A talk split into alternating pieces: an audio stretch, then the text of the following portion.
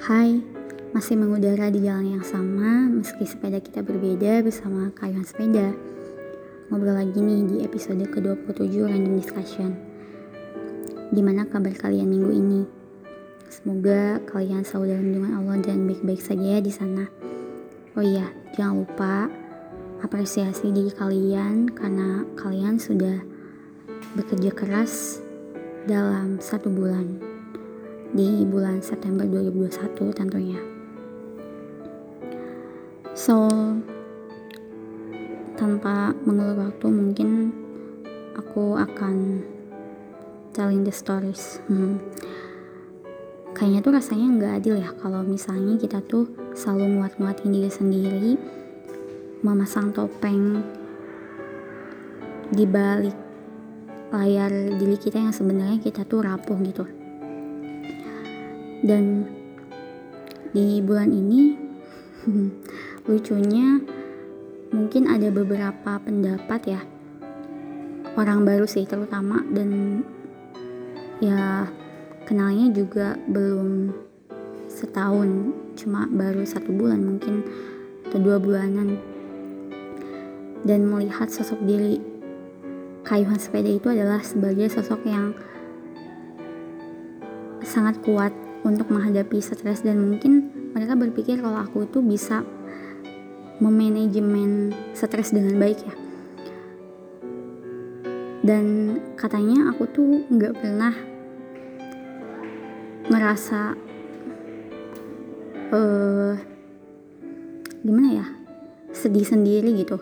Tapi padahal di balik covernya itu sangat-sangat rapuh tapi karena emang pertama aku punya karakter ISTP yang emang ketika ada di situasi yang apa ya energi entropinya itu tinggi banget. Kalau dalam bahasa kimia itu tuh kayak energi energi kacau. Dan ya kondisi yang bisa membuat uh, stres tapi aku emang bisa tenang gitu. Tapi tidak memungkinkan aku akan merasa sedih dan merasa stres gitu. Aku hanya tidak menunjukkan aja ke orang-orang dan aku punya ruang tersendiri untuk bisa menghiling diri sendiri ketika ngerasa stres. Nah, di episode kali ini I'm going to tell you about the stories. Ini pembahasannya adalah perasaan burnout ketika kita benar-benar merasa capek dan minggu yang lalu mungkin di minggu pertama kalau nggak salah aku mencoba membuat voting di stories Instagram pribadi dengan pertanyaan How are you taking care of yourself today? Dan jawaban dari teman-temanku sangat menarik. Jawabannya juga berbeda. Ada yang check out barang di tanggal 99, kemudian memakan makanan favorit, mendengarkan musik favoritnya, watching movies, terus ngehubungin keluarga, ngehubungin teman-temannya, masak, terus sending text ke gebetan. Ini sih yang paling lucu. Dan ada yang listening podcast Kayuan Sepeda, gitu katanya. Nah pas baca komentar ini, jawaban ini, itu bikin aku bersin. Ini serius, tapi makasih ya karena udah dengerin Kayuan Sepeda. Dan ada jawaban yang paling masya Allah banget yaitu dengan tilawah. Nah terus alasan kenapa aku bikin voting pertanyaan itu karena aku lagi ada di fase burnout dan lingkungan di sekitar aku juga mengalami hal yang sama. Jadinya energi yang ada dalam diri aku itu benar-benar terbakar habis dan sampai-sampai terbakar habis gitu. Nah sebelum kita ngobrol lebih jauh, aku pengen coba ngejelasin dengan sepemahaman aku dengan apa ya ilmu yang aku dapatkan mungkin dari membaca artikel kemudian membaca konten-konten tentang burnout ini sendiri. Dan aku pikir kita semua tuh punya perasaan yang namanya burnout ya yang kalau di bahasa Indonesia kan itu adalah terbakar habis. Kalau dibayangkan mungkin otak kita itu kayak lagi digoreng.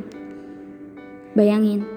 Dan kita udah nggak ada motivasi lagi dengan sesuatu yang kita lakukan yang awalnya kita suka kita jadi benci dan kita juga lelah secara fisik dan secara mental. Nah, ini ya yang harus kita garis bawahi. Dan minggu-minggu yang lalu, aku ada di fase itu. Baik itu untuk urusan pekerjaan, hobi, dan masalah produktif apa produktivitas aku untuk tulis menulis dan membuat uh, skrip podcast ini pun aku tuh jadi bertanya dan berpikir kayaknya aku udah gak pantas lagi untuk meneruskan podcast aku deh dan apa ya emang sampai ada di tahap gak ada motivasi banget untuk mengerjakan hal yang sebenarnya aku suka gitu.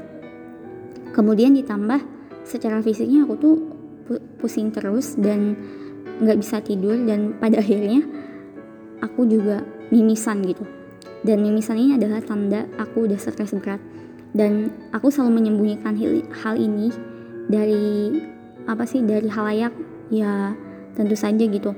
Karena ya buat apa juga gitu kan ngebuat orang panik. Nah makanya mungkin dari situlah banyak uh, pendapat dari teman-temanku.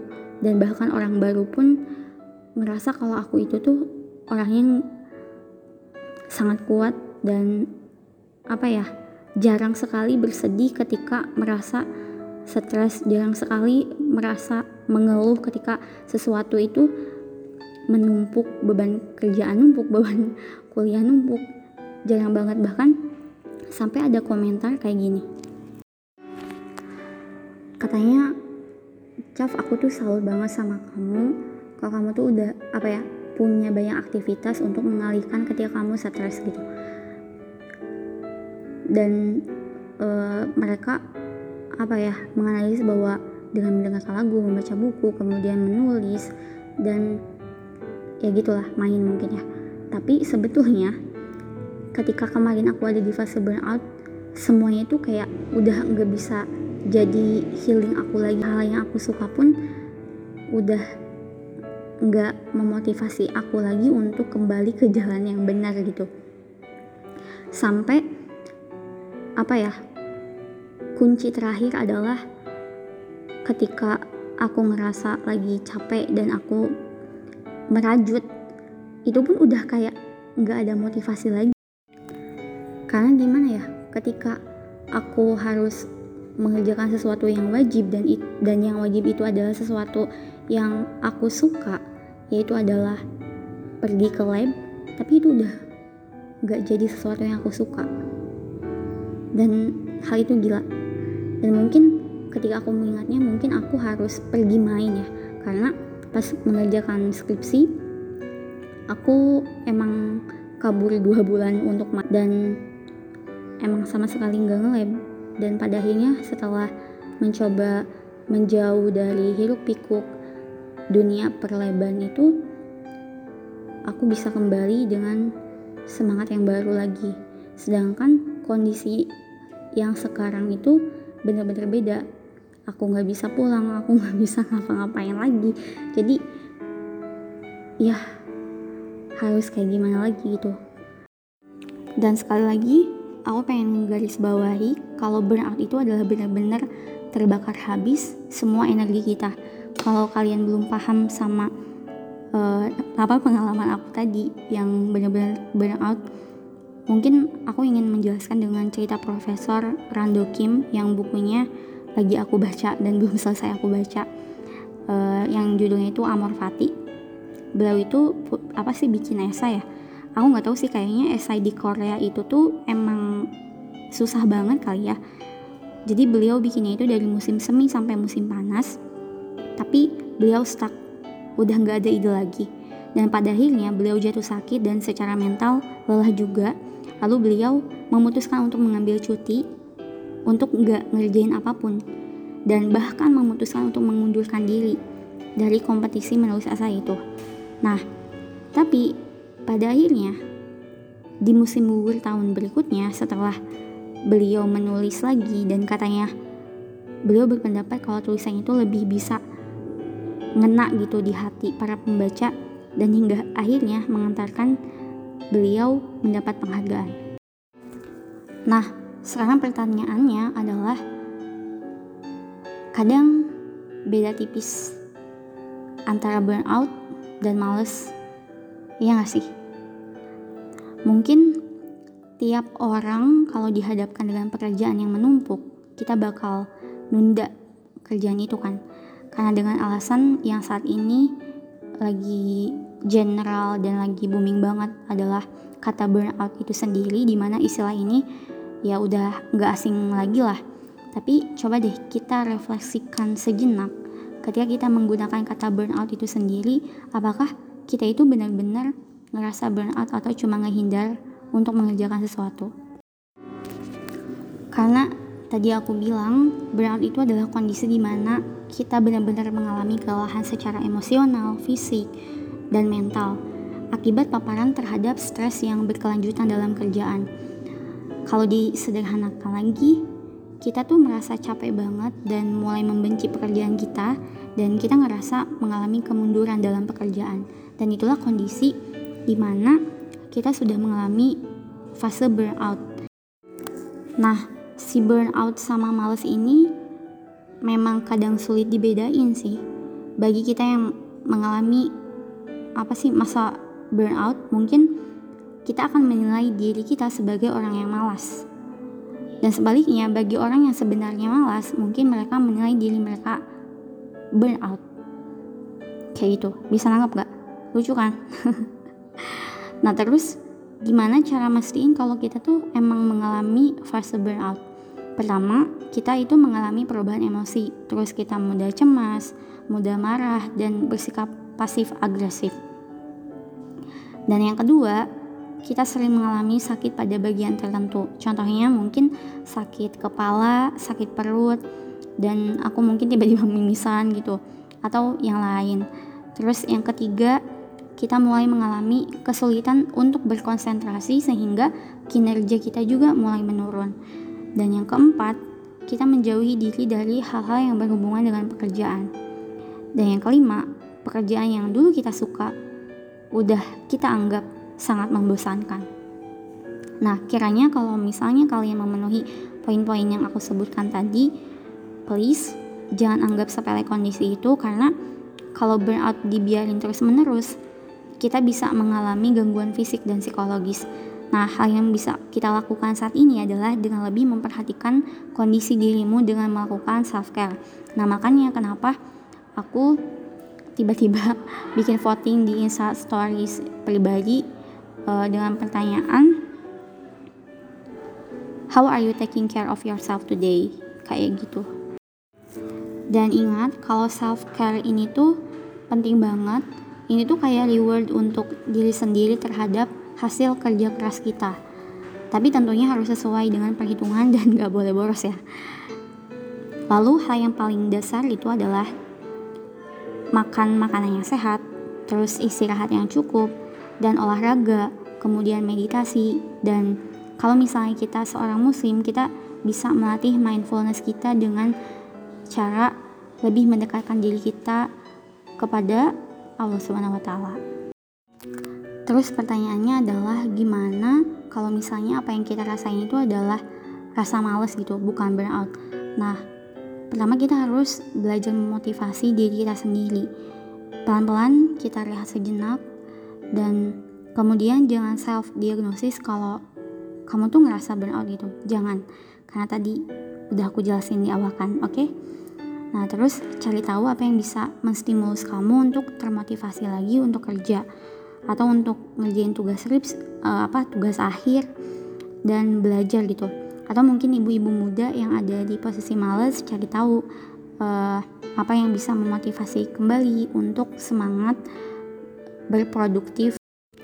Contohnya mungkin kalau misalnya mendengarkan musik bisa ngebalikin semangat kamu, ya nggak apa-apa dengerin musik yang kamu suka. Karena pada akhirnya jangan gunakan kata burnout sebagai alasan untuk menjadi malas. Karena rasa malas bisa diperbaiki selama kita masih punya motivasi untuk menyelesaikan pekerjaan kita.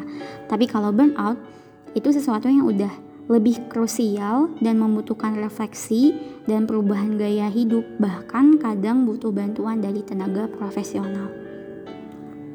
Nah, terus gimana aku bisa mengatasi burnout ini? Selama sebulan ini tuh aku bener-bener berefleksi banget gitu.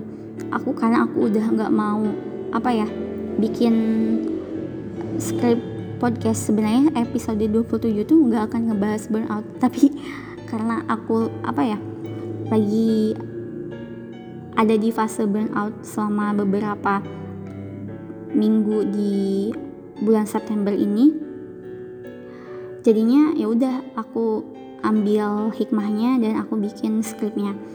Nah gimana caranya aku bisa membalikan keadaan kembali? Pertama adalah aku butuh space. Aku banyak ngehilang dari peradaban. Nggak dari peradaban maksudnya uh, dari society gitu dari lingkungan sekitar. Dan ini tuh mungkin sangat sering ya karena aku butuh ngobrol sama diri sendiri. Apa sih sebetulnya yang salah sama diri aku sendiri? Kenapa kok capek banget ya? Apa-apa kok uh, udah nggak bikin aku termotivasi lagi untuk sekedar pun aku udah nggak mau gitu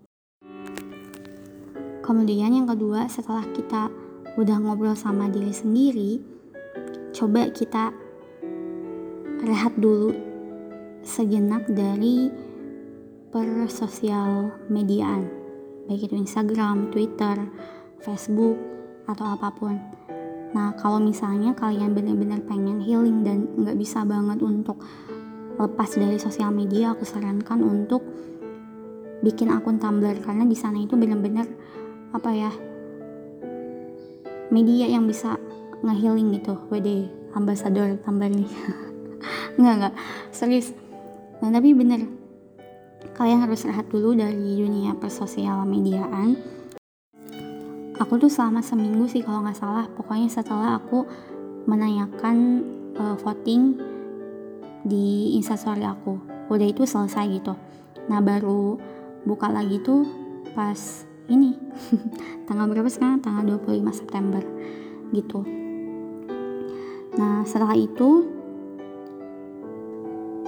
coba karena aku sebagai seorang muslim dan ini tips aku dan semoga bermanfaat latih mindfulness kita dengan cara cek gimana sih hubungan kita sama yang di atas hubungan kita sama Allah tuh gimana kita tuh kadang kan kalau di fase burnout itu ngerasa kering dan ada sesuatu yang salah kan dari diri kita. Karena kita tuh sudah sangat bekerja keras sampai otak kita tuh digoreng dan mungkin gak ada sesuatu yang membuat kita apa ya namanya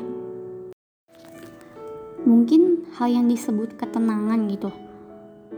Nah karena aku selalu meyakinkan bahwa ketenangan selama kita berjuang menghadapi kehidupan adalah saat kita atau hati kita itu benar-benar udah terikat kuat dengan Allah gitu. Maka mungkin kita harus cek gimana tilawah kita, kemudian gimana amalan-amalan sunnah kita, terus amalan-amalan wajib kita apakah kita sering nunda? Kalau misalnya azan kita ya udah satu jam kemudian kita baru sholat gitu. Kita nggak tahu ya nggak tahu dari masing-masing kita tuh kayak gimana gitu. Dan kita juga bisa mempertanyakan dengan pertanyaan sebetulnya untuk apa sih kita tuh berjuang? Terus untuk apa kita hidup dan ke mana kita akan bermuara dan untuk siapa dan kenapa kita mau berjuang dan kenapa kita harus berjuang sampai kita merasakan ada di fase burnout itu. Dan yang terakhir, coba ambil kertas HVS atau mungkin diary kamu untuk menuliskan hal yang kamu syukuri atau hal-hal yang merasa itu adalah sebuah anugerah. Kemudian tuliskan juga hal-hal yang membuat kamu tuh nggak suka dan atau mungkin menantang ya. Tapi menantang di sini adalah sesuatu yang masih berat untuk kamu jalani gitu. Setelah itu cek lebih banyak yang mana Dan ketika aku menuliskan beberapa poin dan mencoba untuk jujur kepada diri sendiri, aku tuh malu banget. Ternyata masih ada banyak poin hal yang aku syukuri dibanding hal yang aku nggak suka atau yang aku pikir itu adalah sebuah hal yang sangat berat untuk aku. Dan itu bikin aku sadar kalau kita ada di fase berat menghadapi kehidupan, kita tuh kadang selalu melupakan hal-hal yang baik yang pernah Allah kasih dan melupakan hal-hal baik yang pernah terjadi pada hidup kita. Karena saat kita dipeluk oleh hal-hal yang membuat kita tidak nyaman, kita tuh akan cenderung abai pada sesuatu yang membuat kita merasa bahagia. Benar gak sih kayak gitu? So, untukku dan untuk orang-orang yang mendengarkan random discussion episode ke-27 kayuan sepeda aku cuma mau ngingetin kalau fase burnout itu adalah sebuah fase yang normal yang wajar terjadi dalam hidup kita. Emang sih berat banget capek banget dan apa ya bikin kita nggak mau ngapa-ngapain dan kayak udah ngerasa kayak zombie mungkin ya hidup itu. Tapi kalau misalnya kita bisa melihat sisi baik dari fase burnout itu, kita akan berpikir kalau fase burnout ini bisa melatih skill mindfulness kita atau mungkin bisa lebih menguatkan hubungan kita sama Allah dan kita mungkin bisa lebih baik lagi ke depannya. Karena sekali lagi, setiap orang pasti mengalami dan melalui fase burnout ini. Dan itu normal. Kita nggak bisa menyangkalnya. Dan kalau kita ingat, kalau fase burnout itu adalah normal, kita akan yakin kita bisa melalui fase ini. Burnout selama sebulan atau mungkin beberapa minggu Aku yakin itu nggak akan menghancurin diri kita. Kita bisa balik lagi. Kita hanya perlu termotivasi untuk melakukannya dan hanya perlu meluangkan waktu untuk rehat sejenak. Benar-benar rehat sejenak. Pokoknya ingat aja kalau ini tuh adalah sebuah kenormalan. Gak ada yang salah dengan itu, karena itu adalah manusiawi. Dan itu berarti kamu sudah bekerja lebih keras pada sesuatu.